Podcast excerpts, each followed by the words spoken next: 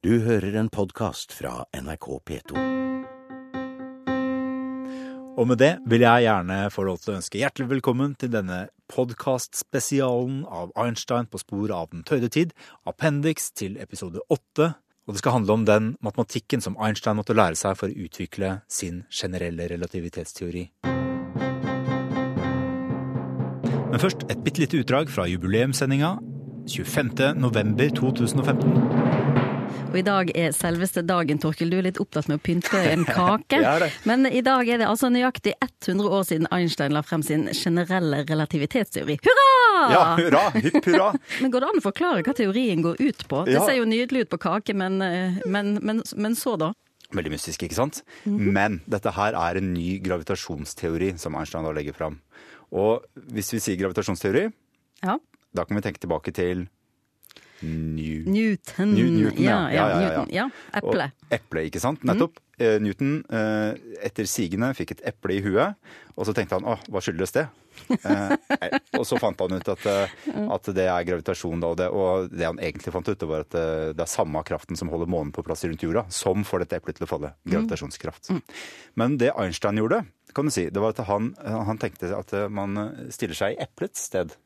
Og så spør man eplet hvordan, vil, hvordan opplever eplet dette fallet? Ja. Ja, men det er helt sant. Ja.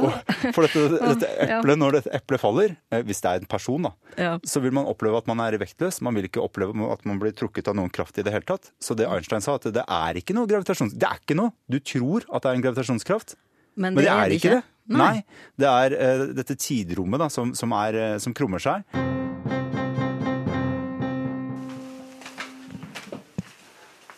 På om jeg kunne gjort et opptak med deg, ja. Ja, om hva da? Jeg bare trenger noen å snakke med om noe eh, relativitetsting.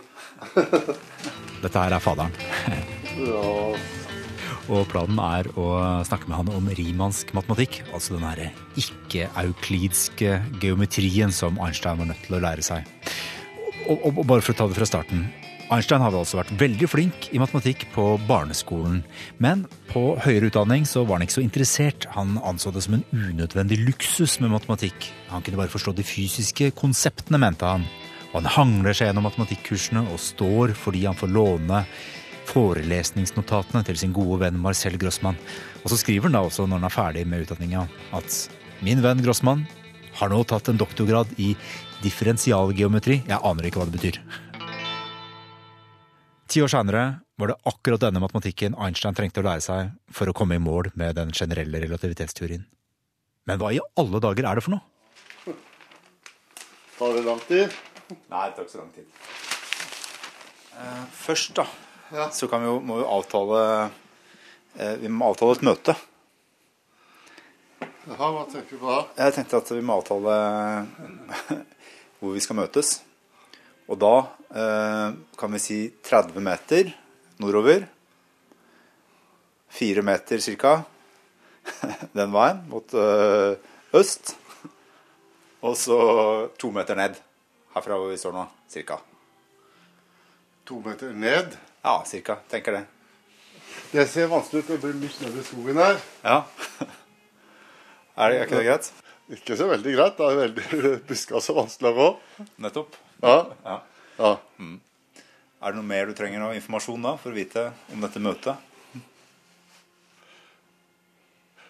Må vite når.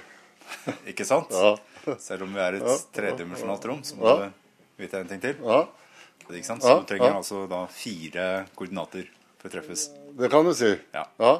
Retninger og tid. Ja. Ok. Uh, og da kan jeg si at eh, vi kan møtes om eh, Vi kan møtes om 90 milliarder meter. I tidsretninga. Ja. Det tidsretninga Nei, det skjønte jeg ikke. Jo, men ikke sant eh, For man kan tenke seg at det er litt sånn juks dette her med å si at eh, fire dimensjoner, eller fire koordinater, det kunne vært hva som helst. ikke sant? Man kunne tenke seg at det, kan man ikke bare ta et tilfeldig antall koordinater? Si at én koordinat er eh, hva slags farge er på lua. Sånn at vi har eh, grønn eller blå, blå lue. Ja, og det kunne man jo tenke seg. Tenke seg, ja. Eller noe helt annet. Ha på briller eller ikke ha på briller. Ok, temperatur. Ja. Men, øh, og det er klart at man kan tilføre alle mulige slags sånne liksom, tilfeldige ting, men, men det er sånn der, en spesiell sammenheng da, mellom tid og, og, og avstand. Det kan du si. Hvis man beveger seg, så tar det en viss tid å Ja. nå en viss lengde, f.eks. Ja. Og så er det sånn at i og med at man har den her faste oversettingsfaktoren, som er lyshastigheten, så, så går det an å oversette mellom Og det, det er vi vant til når vi tenker på avstander i verdensrommet.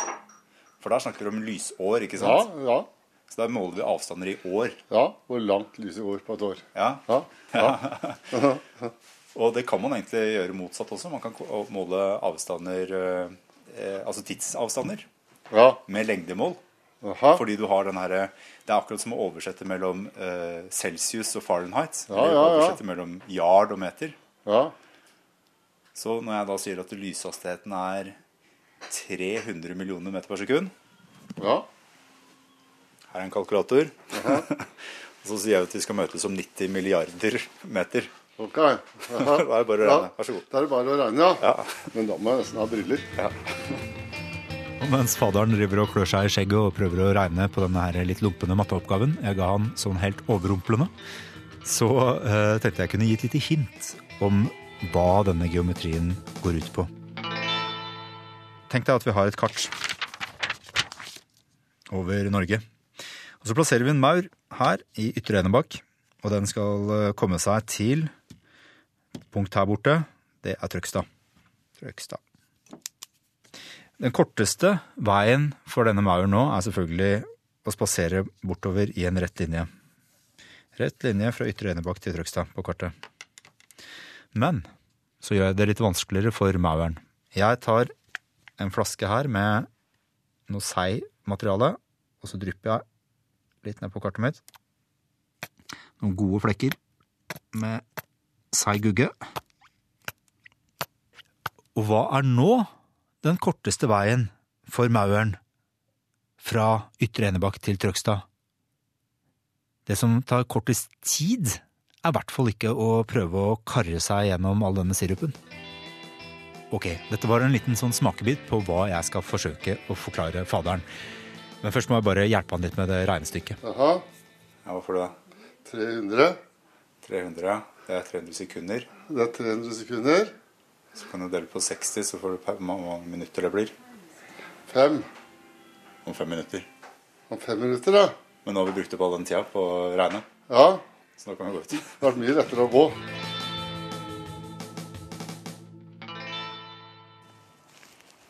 Men, er men her, ikke sant? Her er det litt mer sånn krattete og sånt. Veldig krattete. Oi, det er torner og Ja. Og her er det ikke helt opplagt hva, hva mener vi egentlig med, med hva som er kortest linje. Ja. Hvis det er kortest, kortest mulig avstand herfra til et punkt der borte, Ja. hvis vi har med tidsdimensjonen, så er det godt mulig at det å busje rett gjennom krotta her, ikke sant? Ja. Det tar ganske lang tid. Ja. Så her er det kanskje kortere avstand hvis vi tar med tid også, da. Og Hvis- går rundt. ja, hvis vi går rundt. Ja. Så da må vi Ikke kanskje sant? Ja. Sånn. Oi. Så, så i, i Men uh, Veldig mye torner her. ja, det var veldig ubehagelig å gå. Ja. Men, men, men her borte, vet du. Ja. Så der borte, der borte har vi jo en liten myr. Ja, ja. Ja. ja. Og den er vanskelig å forsere. Ja, den er vanskelig å forsere. Det, det, det, ganske, det går ganske sakte i hvert fall å gå over den.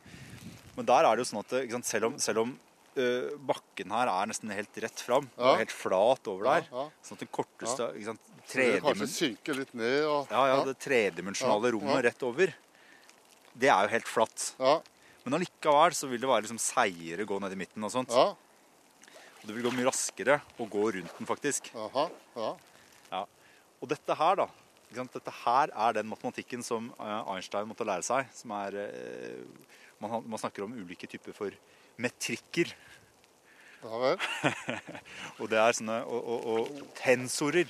Jaha. Og da kan man tenke seg at hvert punkt da, ute i den myra her, Ja. så sier det om, litt om hvor, hvor seigt er det å gå litt den retningen, og hvor seigt er det å gå den andre retninga. Men hva er det for noe i rommet da, som på en måte tilsvarer det som vi her kaller for myr? Ja, Er det noe med gravitasjonsfeltet, eller hva er det som skaper disse hindringene? ja, ja For at uh, det er greit å tenke seg en myr, Ja. men ute i rommet så er det ikke myr. Det er noe annet. Og der er det masse, da. Ja, masse. Ma ja, masse som skaper disse her Ja. myrene. Og er, en, en vanlig måte å tenke seg, seg dette her på, er hvis, hvis, hvis vi tenker oss en sånn dalsøkk. ja, Eh, og så tenker man seg hva er det som er lettest måte å gå hvis, hvis vi alltid må gå fortsatt framover. da. ja. Man kan ikke stoppe tida. Så det, det fortsetter, man må alltid gå. fortsetter. Man må alltid ja. gå framover. Så hvis du går i en sånn, dal, en sånn bolleformet dal, Ja, da vil du holde deg i samme høyde, høydedrag rundt for å miste minst mulig ja, energi. ja. ja. Og, da, og det kan tenkes at det er liksom jorda ja. eh, som går i bane rundt sola. Men det er litt eh, uheldig bilde. For Ja. da ser det ut som hele det selve tredimensjonale rommet er liksom bøyd. ja. Men det er ikke nødvendigvis. Og det har jeg selvfølgelig lært av Øyvind Grønn. Ok. Nå er jeg kanskje i ferd med å gjøre det litt uh, unødvendig komplisert her, men det er en liten distinksjon her som kan være morsom å få med seg. Fordi det finnes nemlig et veldig vanlig bilde som forklarer hvorfor jorda holder seg på sin plass rundt sola ved hjelp av ren geometri. Men, men, så, men så er det nettopp dette at vi hele tiden er på vei ned til solen, på en måte. Ja, altså, vi, er, sol vi, er vi faller jo inn mot solen. Ja, ikke sant? Det her er eh, Arild Midthun. Han er eh, Donald-tegner. Han elsker å popularisere vitenskap. Og han har tegna den Einstein-tegninga som vi har brukt som forsidebilde på denne Einstein-podkasten her. Uansett. Arild Midthun møter professor Øyvind Grønn og forteller om sin aha-opplevelse med generell relativitetsteori.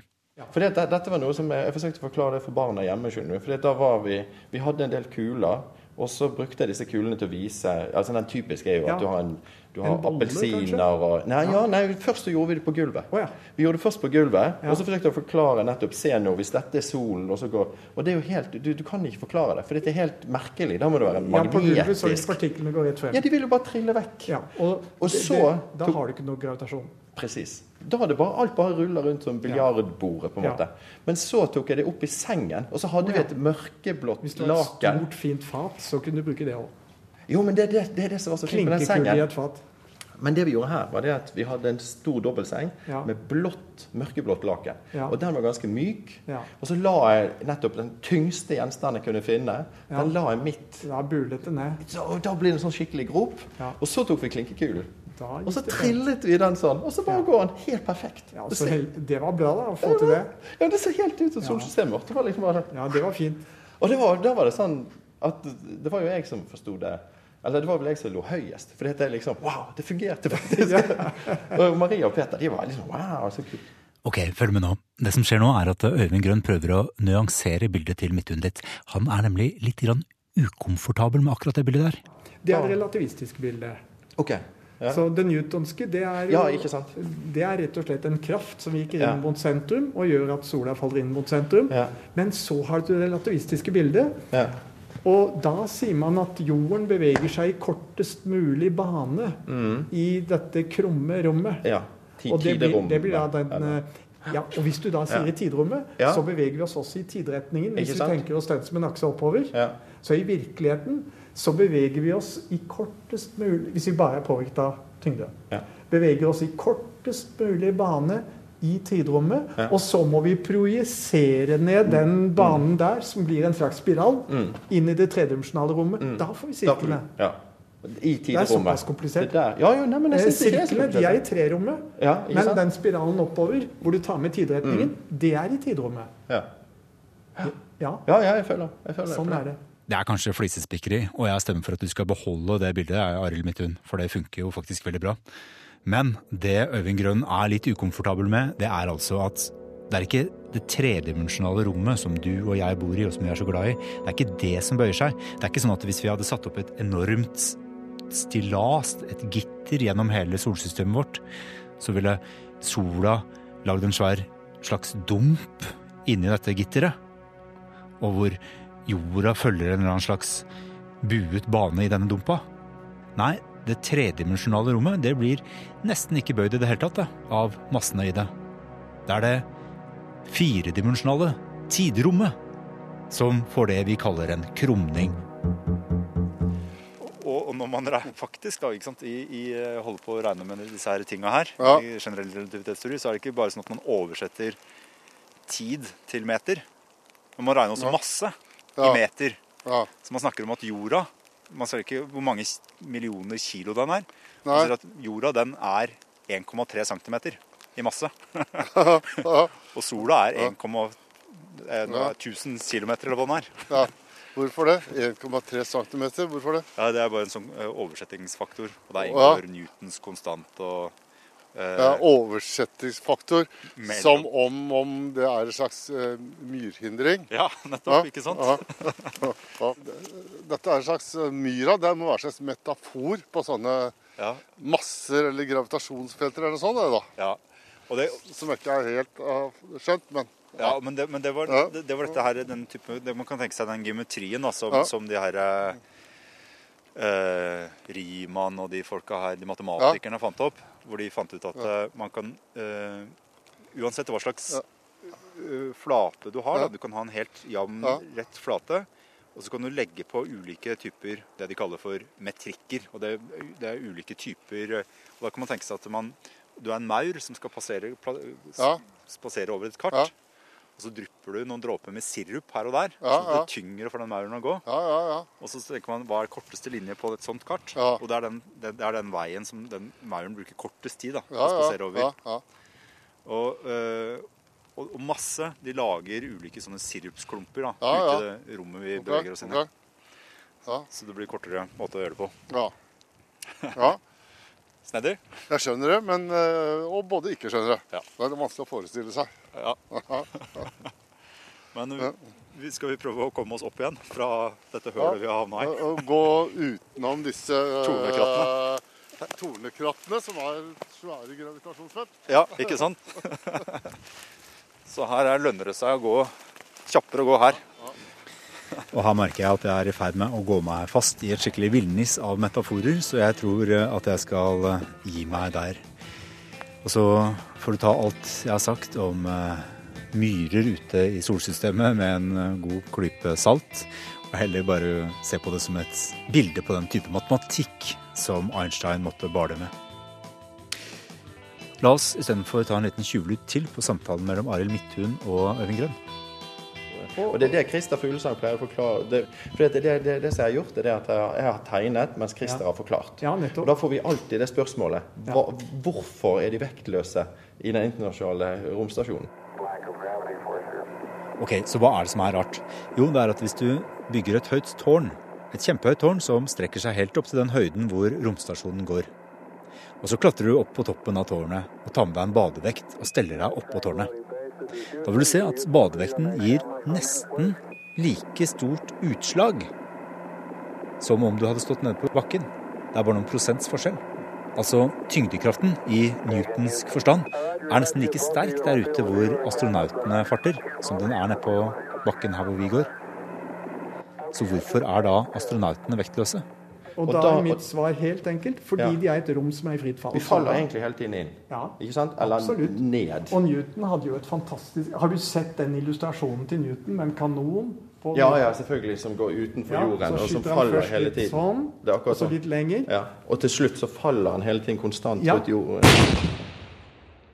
Han tenker seg at man skyter med en kanon. Skyter man med bitte litt krutt, så faller kanonkula ned nesten med en gang.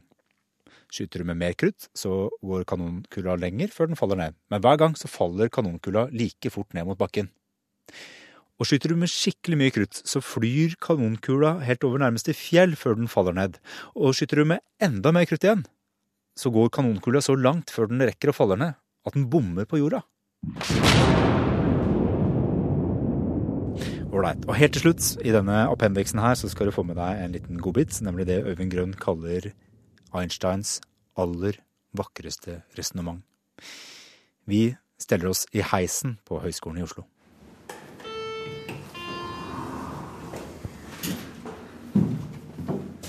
Sånn. Da trykker jeg bare på første, og så tar vi opp igjen, eller U kanskje. Ja. Langtur. Ja. Får kjenne om vi merker noe akselerasjon her i heisen. Ja, så bitte lite grann i den startet. Ja. Da ble vi litt lettere. Ja. Og hvis vi hadde tatt heisen oppover, så Hadde jo blitt litt tyngre. litt tyngre. Det ville vi sett på en badevekt hvis den hadde stått på Det ville vi sett. Ja. Ja, Oi, se her. Her kjente jeg litt. Ja. Litt tyngre. det er bra. Vi tar den opp igjen. Ja, ja. Ja. Ålreit. Vi skal uh, fortelle om Einsteins vakreste resonnement. Ja, det Han kalte Han kalte det ikke selv, men eh, jeg syns det. Det, er, det kommer fra en Det er du som kaller det det. Ja, Ja. det er det. Og, og eh, det er et resonnement som han presenterte i en artikkel i 1911, før han hadde relativitetsteorien ferdig. Nå er vi ned igjen. Ja, vi fortsetter med det. Og i den artikkelen så starter han eh, med oss å eh, si La oss se på et laboratorium, et rom, i en akselerert rakett. Og anta nå at inni det rommet så forandrer ingenting seg med tiden. Forholdene er likt hele tiden. Og da er jo raketten det er liksom den heisen vi er inne i nå. Ja, Og den er akselerert. Det er det den har eh, motoren på. Sånn. Nå starter vi heisen. Ja. Det er akkurat sånn som det føles inni raketten. Nettopp. Og da vil man jo oppleve at en badevekt slår ut når vi står på den. Ja. Så der er det tyngde. Og det vil være ute i verdensrommet også, selv om det ikke er noe, i noe tyngdefelt fra en planet eller noe sånt. nå. Det vil det være. Akselererer det fort nok, så vil det være som å være på jorda. Ja. Ja. Da vil, eh, Med akselerasjon på 9,8 meter per sekund i annen, så merker vi den vanlige tyngden. Ja. Så da slår min vekt ut på litt 80 kilo. La oss si det sånn. Ålreit. Greit. Så antar vi, og det antok Einstein, at det er et eh, vindu både på taket og på gulvet. Ja. I Og heisen i, i tillegg Mm. så, så kommer det lys, lysbølger, sa Einstein, som kommer da inn fra taket, Ja. og de går nedover. Og det, her er det jo lys, da. Her, er, her er det lyspærer, riktignok, Ja. i taket på denne heisen. Og dette lyset, det går jo nedover. Nettopp. Ja, og nå, skal vi, nå står vi i underetasjen, skal kjøre oppover. Og da akselererer vi oppover. Ja. Og når lyset er underveis fra taket Ja. ned mot gulvet, Ja. så får gulvet en fart oppover mens lyset er underveis. Ja. Og der nede er det en detektor som kan måle frekvens. ja. Og jammen pga. dopplereffekt så måles det en litt høyere frekvens når heisen akselererer oppover. Og det er akkurat sånn som når vi ø, ø, kjører mot bølgene ute på havet. Ja. Kjører vi fort mot bølgene der, Mhm. så, så hører vi kan- ja flere bølger per sekund. Nettopp. Ja, ja. Akkurat. Det er helt det samme. Ja. Eh, og, og, og det er det samme for lyd òg. Eh, har, du- har du kjørt forbi en jernbaneovergang med en sånn uh, bjelle, så sier han Du hører høy, tonehøydeforskjell. Når du kjører mot, så er det høy tone. Og når du kjører vekk, så er det lav tone. Det der er dopplereffekten. Ok, greit. Så da har vi etablert at det, det skjer med lyset i denne heisen. Ja, Det er dopplereffekt der òg, for lys er bølger. Ja. I hvert fall kan det beskrives som bølger. Mm. Eh, Istedenfor tonehøyde så er det farge, da. Ja. Så det blir en blåforsyning når kilden går mot, eh, mot eh, observatøren, og en rødforsyning når kilden går vekk. Ja. Så eh, den observatøren nede på gulvet der, den registrerer da en blåforskyvning av lyset. Høyere frekvens. Så sa Einstein. Og det, og det viktige er at, at hastigheten hele tiden øker. Hvis ikke ville Ja. vi ikke sett den. For da ville Akkurat. Ja. For da ville vi ikke merket den. Hastighet som er konstant, ville vi ikke merket i det hele tatt. Nei, ikke sant? Nei. Så um, det vil altså passere flere lysbølger ut av det vinduet nede ved gulvet enn det kommer inn av vinduet oppe ved taket. Flere lysbølger? Ja. Men det det ikke bare være blåere lys? Nei. Flere bølger per sekund. Det var det bildet ditt med båten. Ja. Du treffer flere bølger per sekund. Ja. Bla, bla, bla, bla, bla.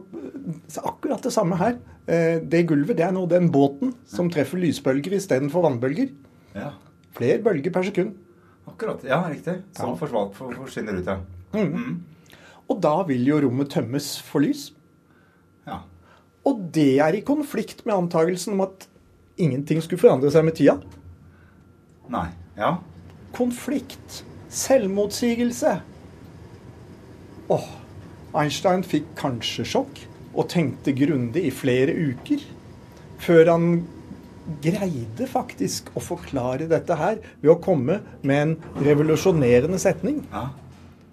For den neste setningen var, sagt litt populært Da må hvert sekund vare litt lenger nede ved gulvet enn oppe ved taket.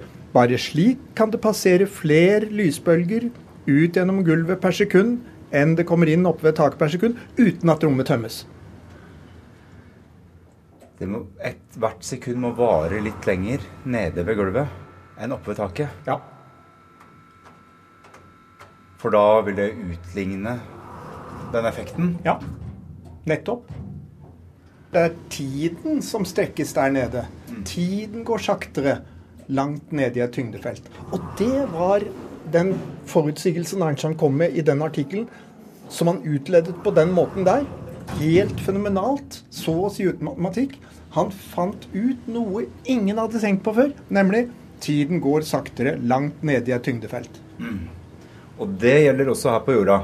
Ja, det gjør det. For det som gjelder i en akselerert rakett, det gjelder også i et rom som er i rom på jordoverflaten. Og da kommer vi til, eh, til dette, hele historien med GPS-justeringa og alt det der. Og, og, og det ble første gang bekreftet i Havle-Keating-eksperimentet først i 1972. Nøkkels og i. Ah, ja, det var veldig tett. Ja. Nettopp.